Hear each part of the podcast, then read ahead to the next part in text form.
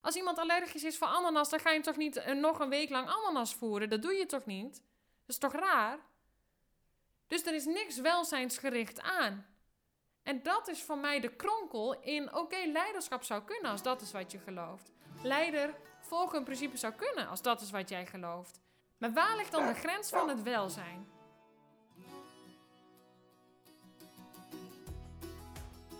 Mijn allereerste cursus begon bij iemand die een uh, vijfdaagse cursus aanbood volgens het Cesar Milan principe. Um, vond ik helemaal geweldig. Ik ben daarheen gegaan en um, ja, ik vond dat prachtig destijds. Um, en ik zeg destijds in die zin gaf het voor mij een, een echt absoluut een opstap om te doen wat dus ik wilde doen. En uh, begon ook meteen mijn reis wel als hondencoach. Waarbij ik nu denk, ouch, dat, dat zou niet mogen. Want er is zo ontzettend veel wat je niet leert, wat je wel zou moeten leren. Vind ik nu. Um, maar waarbij ik ook heel snel wel vraagtekens kreeg. Waarbij ik dacht, ja, maar wacht even. Dit gaat over meer dan. Je moet, hem je moet een, een hond uh, leiderschap geven. Dit gaat over meer dan. Je moet je hond eruit halen, uit, uit de focus halen. Je moet je hond. Um, kijk, ik heb tijdens een consult nooit gezegd dat leiderschap ging over jouw hond is de baas, of, of jij bent de baas en je hond is de volger. En op het moment dat er een hulpvraag is, dat dat zo is omdat jouw hond de leiderschapstaak op zich heeft genomen. Ik denk dat ik nooit heb begrepen dat dat eigenlijk wel hetgene is wat er geschoold werd. Maar voor mij zat leiderschap altijd in jou, zeg maar. Gewoon persoonlijk leiderschap. Je, je werkt samen met je hond en soms is het handig als je de leiding neemt en soms niet. En je werkt vooral heel erg samen. En door de meters die ik ging maken, merkte ik wel dat ik tegen een muur aanbotste van wat er soms aan de buitenkant wordt verteld, maar wat er soms ook aan de binnenkant gebeurt. Dus ik heb een keer een consult gehad, eigenlijk na deze cursus. En ik wilde met Nimrod aan de slag voor zijn mega ballen, ballenobsessie. Die was zo groot dat hij. Uh, als hij iemand zag met een werpstok, kon ik doen wat ik wilde. Maar hij ging absoluut niet met mij mee. En ja, het was ook gewoon geen goede situatie. Want hij belafte, hij sprong er tegenop. Hij zou, hoe je het ook bent of verkeerd, die bal krijgen. En ik kreeg al snel het advies dat ik hem een tikje moest geven in zijn zij met mijn voet.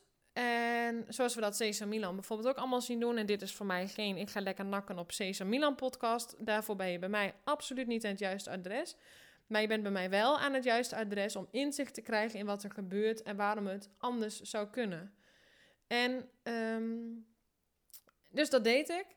En uh, ja, daar zou je een hele podcast over kunnen maken. Uh, je gaat met je hond ergens naartoe. Wat vind je dan nou eigenlijk van wat er gebeurt? Maar goed, dat, dat, dat gaan we later doen. En ik, dat, dus ik gaf hem dat trapje, dat, dat, dat, dat kikje met het idee, dan wordt hij uit de focus gehaald. Hè? Zo wordt dat ook verteld. En toen zei ze op een gegeven moment, ja, maar dat moet harder. En toen dacht ik, eh, oké. Dus ik heb dat zelf niet gedaan. Zij nam de hond over en ze gaf hem echt een flinke trap in zijn heup. Ik zie het nog steeds voor me, want ik weet nog steeds dat ik dacht: oké, wacht even. En toen dacht ik: ja, maar wacht even. Dit gaat niet meer over intentioneel je hond eruit halen. Dit is heel wat anders wat hier gebeurt. Het is logisch dat mijn hond de bal, de focus op de bal loslaat. Die lag gewoon voor hem, notabene. En dat hij, als ik jou nu een dikke trap geef, dat jij ook naar mij gaat kijken van, uh, oké. Omdat het ofwel zeer doet en dat de hond uit zijn focus gehaald is, ja, dat lijkt me nogal wiedes. En ik heb altijd moeite gehad, een hele tijd, laat ik zo zeggen, met het genak op methodieken onderling. En inmiddels durf ik ook te zeggen, heel vaak een gebrek aan kennis doordat je er niet daadwerkelijk zelf ingezeten hebt en dus niet de meters hebt gemaakt, waardoor je aan de buitenkant alleen de buitenkant kan bekritiseren, wat heel gemakkelijk is, maar daadwerkelijk erin gezeten hebben, is altijd anders. Iemand die in de ervaring van, maakt me niet uit wat voor situatie dan ook heeft gezeten, kan eigenlijk alleen maar echt inhoudelijk, gevoelsmatig, volgens mij iets zeggen. Want de buitenkant is vooral ook heel steriel. Want er zitten niet alleen maar verkeerde dingen aan methodieken. Je kunt niet alleen maar zeggen dat iets uh, in en in slecht is. Want er zit ook altijd iets in een bepaald uh, methodiek, een verhaal, noem het op. Iets waar je het ofwel of niet mee eens bent. Maar voor mij ligt dat dus al heel genuanceerd. Want het gaat heel vaak niet over volledig wel of volledig niet mee eens zijn. En de omkeer is bij mij wel begonnen bij um, het zien van kritiek die hondentrainers kregen die volgens de deze Milan manier trainen. En dat ik dacht, ja, oké. Okay, uh, vond het vaak ook mega ongenuanceerd en niet prettig. Het waren de mensen die positief en welzijnsgericht trainden in hondenland. Maar tegelijkertijd dat op geen enkele manier toepasten bij de mensen. Um, als we het hebben over veiligheid aanbieden, wat in welzijnsgericht opvoeden volgens mij de norm is. De hond moet zich veilig voelen om te kunnen leren. Oké, maar hoe zit het dan voor al die mensen die ook willen leren? Die alleen maar bekritiseerd worden omdat ze op dit moment een bepaalde methode aanhangen. En ja, dat is een keuze. En ja, maar dat is vaak ook bewustwording, referentiekader. Het is vaak ook een, een, een weg die iemand beloopt. En in plaats van de hand uit te reiken naar hé, maar het zou ook zo kunnen, wordt er een muur opgebouwd, omdat dit is hoe als ik denk. En voor mij begon daar ook de onzekerheid. Ik vond uh, de, alle manieren die er waren in opvoedland, hondenopvoedland, hebben gemaakt dat ik met regelmaat heb gedacht: ik stop ermee, ik trek de stekker eruit, ik trek dit niet, ik vind het niet leuk. En tegelijkertijd dacht ik: oké, maar wat dan? Wat maakt dan dat team A dit zegt en team Z het andere? En hoe kan het dat Team Z prachtige resultaten bereikt. Maar vooral ook wel, hoe kan het dat er een hele groep is die bepaalde dingen die gewoon bewezen zijn, daar eigenlijk niet in meegaan. En voor mij, en dat durf ik te zeggen omdat ik de weg heb bewandeld, zit dat niet alleen maar in normen en waarden, maar ook een gebrek aan kennis. Want doordat mijn kennis vergroot en vergroot en vergroot en vergroot werd, vielen er steeds meer puzzelstukjes op hun plek waar ik eerder kritiek op had, omdat ik het eigenlijk onvoldoende begreep. Maar daarmee zeg ik dus ook meteen wat voor de andere kant. Want nee, ik denk bijvoorbeeld zo'n schop kan je wat mij betreft niet goed praten, slaat gewoon nergens op. Maar tegelijkertijd denk ik wel dat er in die methodiek heel veel dingen zijn die je pas begrijpt op het moment dat je de methodiek volledig kent. En met volledig bedoel ik dus vooral ook eigenlijk dat je de meters in hebt gemaakt. Want anders is het zo gemakkelijk lullen aan de zijkant. Voor mij zat de omkeer wel heel erg in. Uh, ik heb nooit gewerkt vanuit het stukje. De hond moet zich maar overgeven. Uh, ik heb filmpjes gezien van honden die bijvoorbeeld aan een jachtlijntje, dat het lijntje omhoog getrokken wordt, dat de hond aan de lijn spartelt en dat de hond zich moet overgeven om rustig te worden. Ja, Waar ligt dan de grens? Hoe ver ga je dan? En wat is dan overgeven? En aan wie moet de hond zich dan overgeven? Aan de, de, de, de, de almighty wie? Wie is er dan zo machtig dat de hond zich daaraan moet overgeven? Op basis van wat doen we dat? Op basis van leiderschap? Maar voor mij heeft dat, is, is dat nooit leiderschap geweest. Machtsposities is iets wat wij in de mensenwereld doen. Ja, maar Aniek, honden doen dat ook. In de hondenwereld, wolven doen dit ook. Nee, we weten inmiddels dat, dat we, als de hond, als we nog zo kunnen zeggen dat de hond op die hiërarchische manier leeft, dat de onderzoekers zich zouden moeten baseren op hoe wolven in het wild zouden leven. En de onderzoeken die er waren en de uitslagen waarvan er nog steeds een heel deel hun trainingsmethodieken baseren, zijn gebaseerd op, wolven die in gevangenschap leven. Maar tegelijkertijd zijn die resultaten ook alweer teruggenomen door de persoon die dit heeft gedaan. En wat is daar nou zo lastig aan? Dat we in een methodiek heel erg, uh, ja, sowieso ontzettend veel takjes hebben, zeg maar, van allemaal interpretaties die er zijn. Ik ken mensen die op een ontzettende subtiele manier met leiderschap werken. Waarvan ik denk, ja, dit is. Kun je nog van alles over zeggen, maar zo ontzettend genuanceerd. En er gaat hier zoveel energiewerk van uit. En dit is zo ontzettend mooi. Um, daar kan je alsnog van alles over afvragen.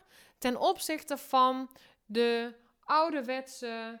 Uh, als de hond niet doet wat als ik wil, krijgt hij een, een, een tik met de krant, zeg maar. Er zijn zo ontzettend veel nuances. En daarmee is nog steeds niet alles goed te praten, maar het is een wezenlijk verschil.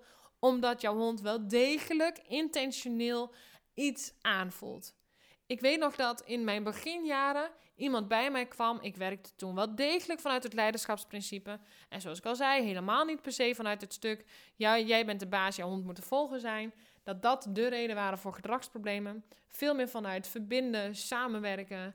Uh, de verbinding ook aangaan met je hond.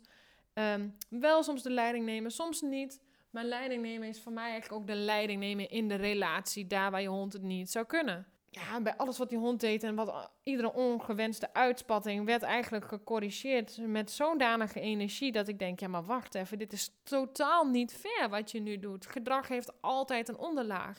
Voor mij is dat ook de basis geweest. Gedrag heeft altijd een onderlaag. Voor mij is gedrag nooit, dat staat voor mij los van deze cursus op school. Ik, ik, ik ben sociaal uh, werker. En, en ook toen gingen met regelmaat mijn haren overeind, omdat ik dacht, ja, maar gedrag is zoveel meer dan dit. En de kaders en de labels en alles wat we, ze, wat we, wat we, wat we meegeven. Voor mij is de omkeer wel geweest in, ehm, ja, je kan met een jachtlijntje lopen en dat heb ik ook gedaan. Maar er zijn dus ook mensen die het anders kunnen. Oké, maar dat is interessant. We kunnen wel zeggen, een jachtlijntje is intentioneel. We kunnen wel zeggen, een jachtlijntje gaat over uh, spanning en ontspanning op de lijn. We kunnen wel zeggen, een jachtlijntje gaat over. Um, je hoeft niet hard te corrigeren. En nee, dat klopt. Er zijn heel veel verschillen in. Er zijn mensen die nauwelijks, die, die niet echt de ruk aan de lijn geven. Zoals je dat bijvoorbeeld vroeger leerde met de, uh, met de slipketting. En tegelijkertijd is het zo dat de lijn alsnog hoog in de nek zit en een wurgeffect heeft. Hoe je het ook went of verkeerd, is dat niet iets per se wat fijn is. Ja, daar heeft de hond geen last van. Nou ja, dan is de vraag: wat is last hebben? Nee, niet iedereen, iedere hond komt er met een hernia uit. Nee, dat klopt. En ik denk ook dat, dat, dat vind ik soms ook het lastige van de, uh, berichten die je dan leest van bijvoorbeeld het team, wat ontzettend tegen deze verhalen zijn, dan krijg je van uh, als je met een halsband of een jachtlijntje loopt, dan krijgt je hond per definitie nekklachten. Dan is het welzijn van je hond per definitie aangetast. Ja, wat is dan het welzijn aantasten? Wanneer is dan het welzijn aangetast? Ik ken genoeg honden met een tuig waarvan ik denk: jouw welzijn is absoluut aangetast ten opzichte van die hond met dat jachtlijntje of bijvoorbeeld uh, die halsband. Alleen, ik denk dat we niet moeten vergeten, op het moment dat jij jouw hond corrigeert met een jachtlijntje, heb je ook het wurgeffect. Op het moment dat jij een, een tikje geeft aan je hond, geef je hem ook een tikje. Dus ja, kan zijn dat we dat op de subtiele, goede, intentionele, energiewerkachtige manier oppakken. Maar alsnog is het zo dat dat wurgeffect er is. Dus alsnog is het zo dat we ook iets doen bij de hond wat niet fijn is. En vooral ook, waarom dan dat wurgeffectje? De omkeer bij mij is dus geweest dat ik dacht: oké, er zijn dus mensen die het anders kunnen. En ik wil weten hoe dat zit, maar dan wil ik me ook helemaal onderdompelen in die methodiek. En dat heeft me wel veel gekost. Het heeft me vooral veel weerstand gekost, omdat de bezwaren die er soms zijn op een bepaalde gang, of kijk ook op bijvoorbeeld gedrag, is niet, daar wordt niet over gediscussieerd, maar daar wordt over aangenomen.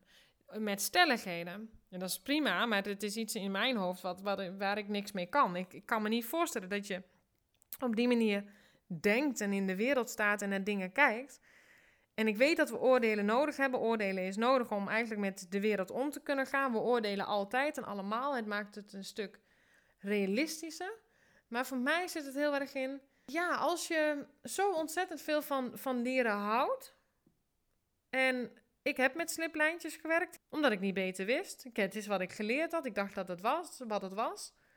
En nu denk ik, ja, ik heb zoveel niet geleerd. Het is schrijnend dat je niet leert over hoe honden leren. Dat je niks leert over de lichaamstaal van een hond. Het zou, zou niet mogen. Zou gewoon absoluut niet mogen.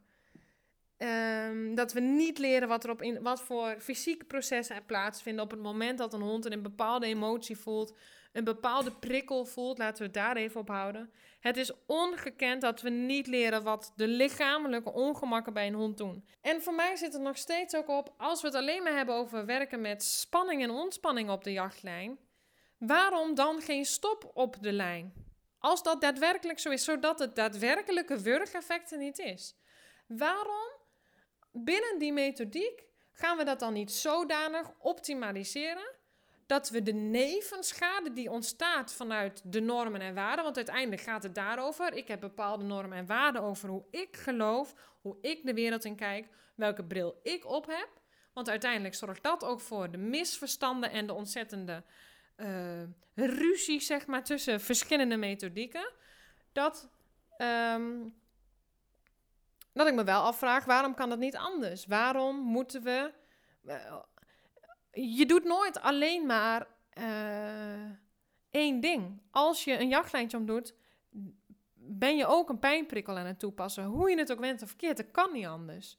Want het is zo dat het wurgeffect plaatsvindt. En voor mij zit eigenlijk de fascinatie ook altijd wel in, in mijn liefde voor honden en dieren was zo ontzettend groot. En, en ik denk ook echt dat de honden niet altijd in hun welzijn worden aangetast hierdoor. Want welzijn is voor mij een mega groot begrip. Maar als je, zoals ze dat dan noemen, force-free wil werken, geloof ik oprecht dat het gaat in dat je intentioneel, niet bewust dit gaat inzetten. Dat betekent dus dat je creatief genoeg gaat worden om manieren te verzinnen waarbij dit niet nodig is. Voornamelijk niet nodig is. En ik zeg voornamelijk omdat ik soms een beetje moe word van alle berichten over. Ehm, ja, hoe zeg je dat? Dat je gewoon absoluut dat niet zou mogen doen. Gentle leaders moeten verboden worden voor, alle, voor alles en iedereen. Want, oké, maar wat nou als iemand een rotweiler heeft? Die persoon die wordt in één keer heel erg ziek, kan om fysieke redenen de hond niet meer houden, want te sterk. Lukt niet. Alle onverwachte bewegingen doen zeer.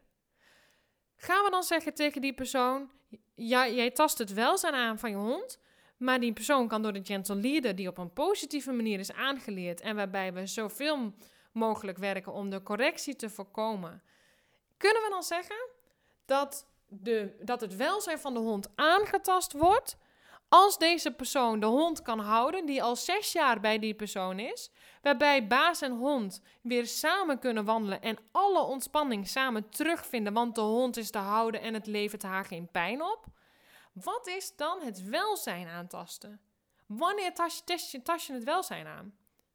Als ik het heb over een scheermesje. Met een scheermesje kun je ontzettende lelijke dingen doen. Je kan er ook wat heel moois mee doen, namelijk je baard weghalen, je benen mee scheren alles wat je maar wilt. Ehm, maar je kunt er ook hele lelijke dingen mee doen. Zit het dan niet in wat je doet met het voorwerp wat je hebt en waarvoor je hem inzet?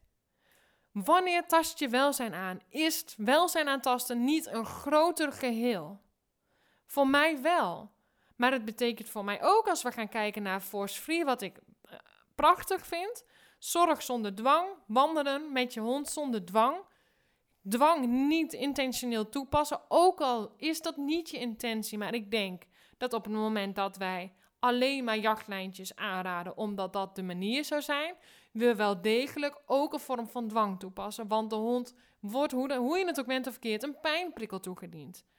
Ook al is je correctie subtiel, ook al is het intentioneel niet jouw lading, dan is het alsnog zo dat die riem wel dat effect heeft.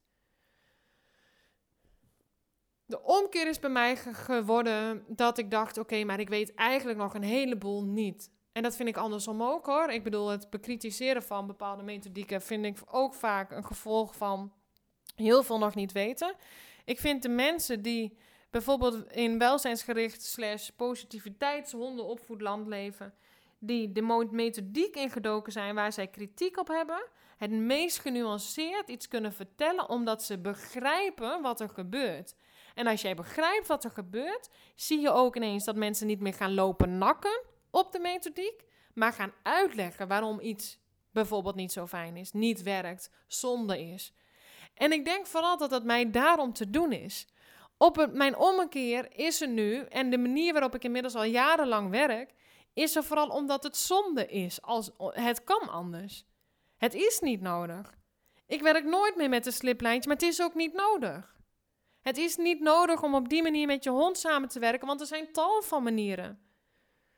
En het is vooral dus zonde, omdat heel veel van die dingen ook een vorm van symptoombestrijding bevatten.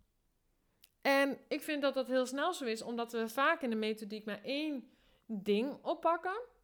En wat ik gewoon mooi vind aan het hele welzijnsgerichte stuk, is dat er vooral gekeken wordt naar wat vindt er nou bij jouw hond op intern niveau plaats.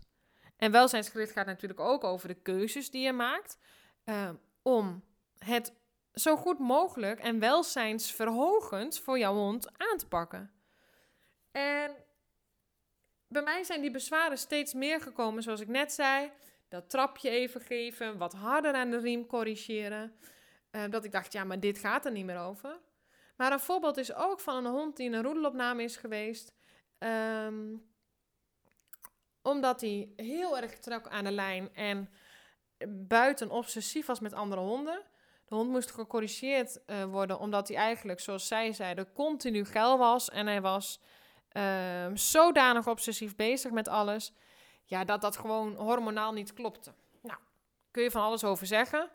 Ik denk ook dat er heel veel honden zijn die echt last hebben van hun hormonen. En dan bijvoorbeeld midden in Utrecht wonen, ik noem maar wat. En moeten omgaan met alles wat er is. Dus ja, maar er is ook met een e-collar getraind. En eigenlijk zodanig, uh, ja, ik kan hier zoveel verhalen over vertellen. Dat vervolgens uh, ik een keer meegelopen heb. En wat blijkt, die hond die loopt buiten, vertoont inderdaad geen ongewenste uitspatting meer. Voor ons zou je zeggen top. Maar die hond laat me toch een stress zien. En dat is het probleem voor mij.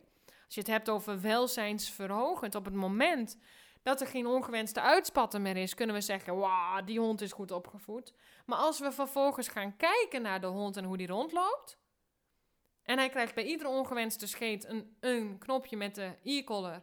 Waarbij we aangeven: ja, maar dat willen we niet. Ja, oké.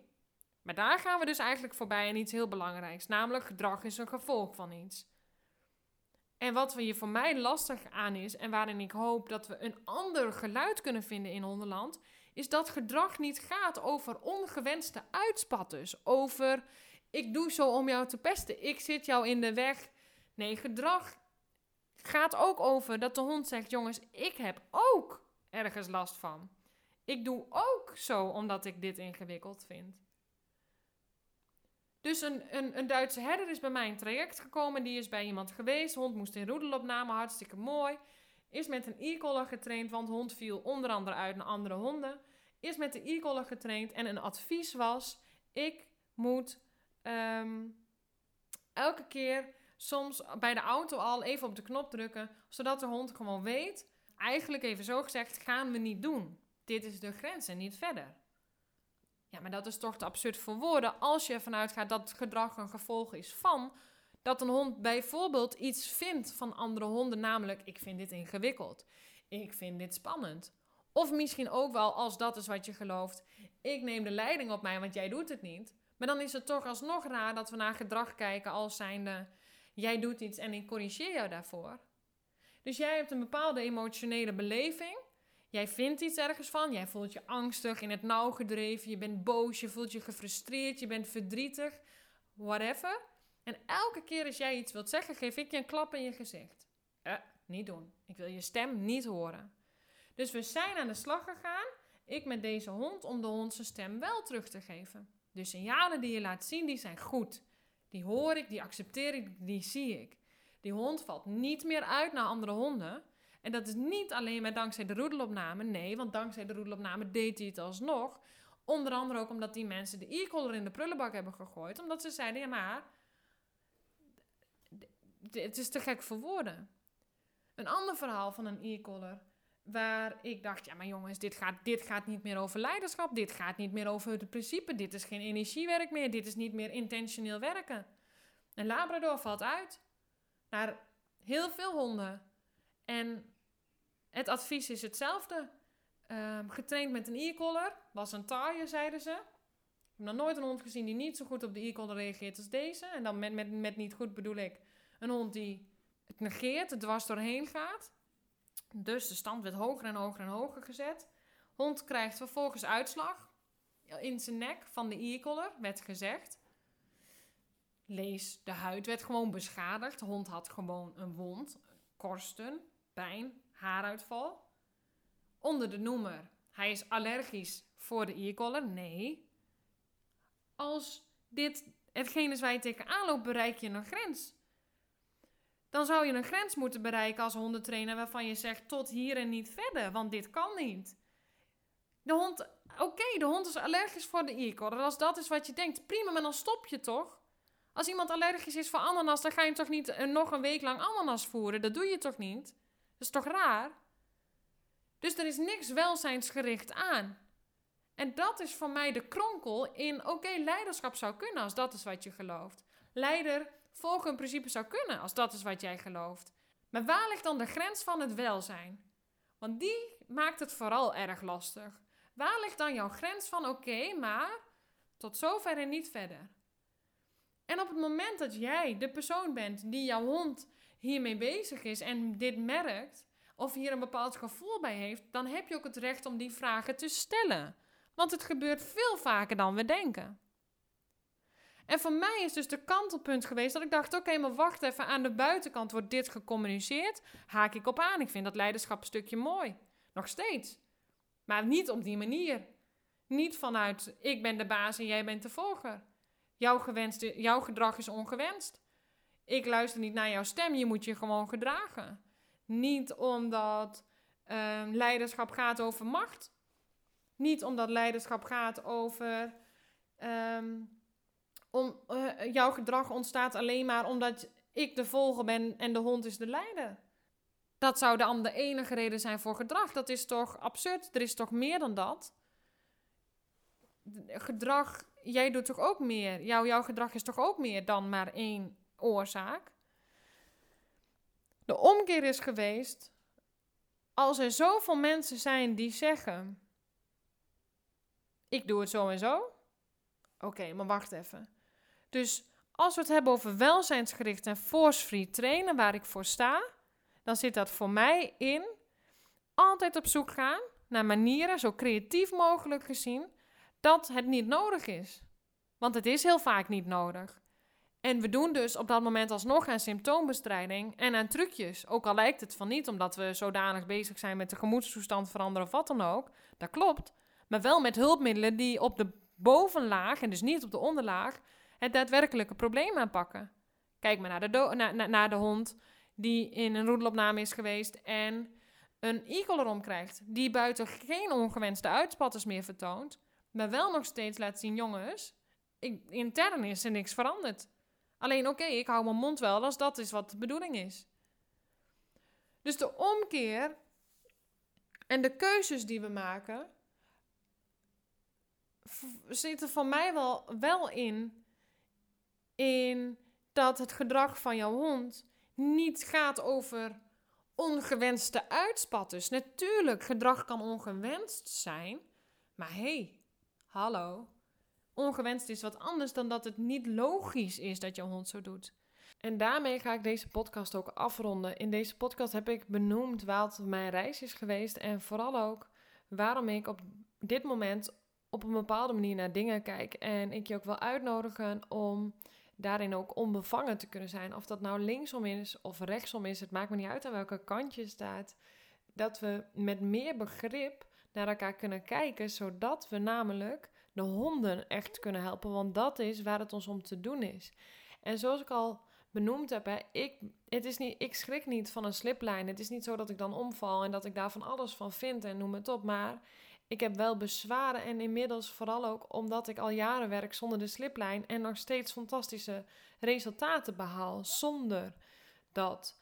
Alleen misschien wel dankzij de manieren waarop ik geschoold ben, durf ik dat nu ook te zeggen, omdat ik een breed scala heb aan. Mijn bril is inmiddels kleurrijk in plaats van maar één kleur. En dat maakt een enorm verschil. Dus ik denk ook dat een onderdeel van de reis die je hebt met jouw hond op het moment dat je een hulpvraag hebt, is ook je perspectief vergroten. Want dat gaat ontzettend veel doen, ook voor de hulpvraag die je hebt.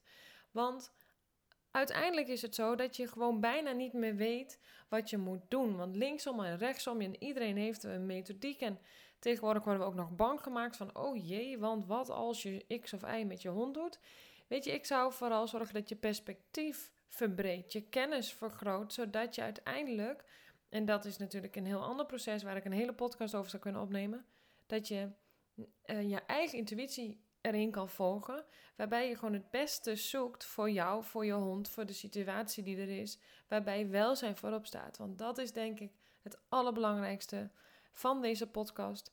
Wanneer staat het welzijn voorop en wanneer is het welzijn verhogend?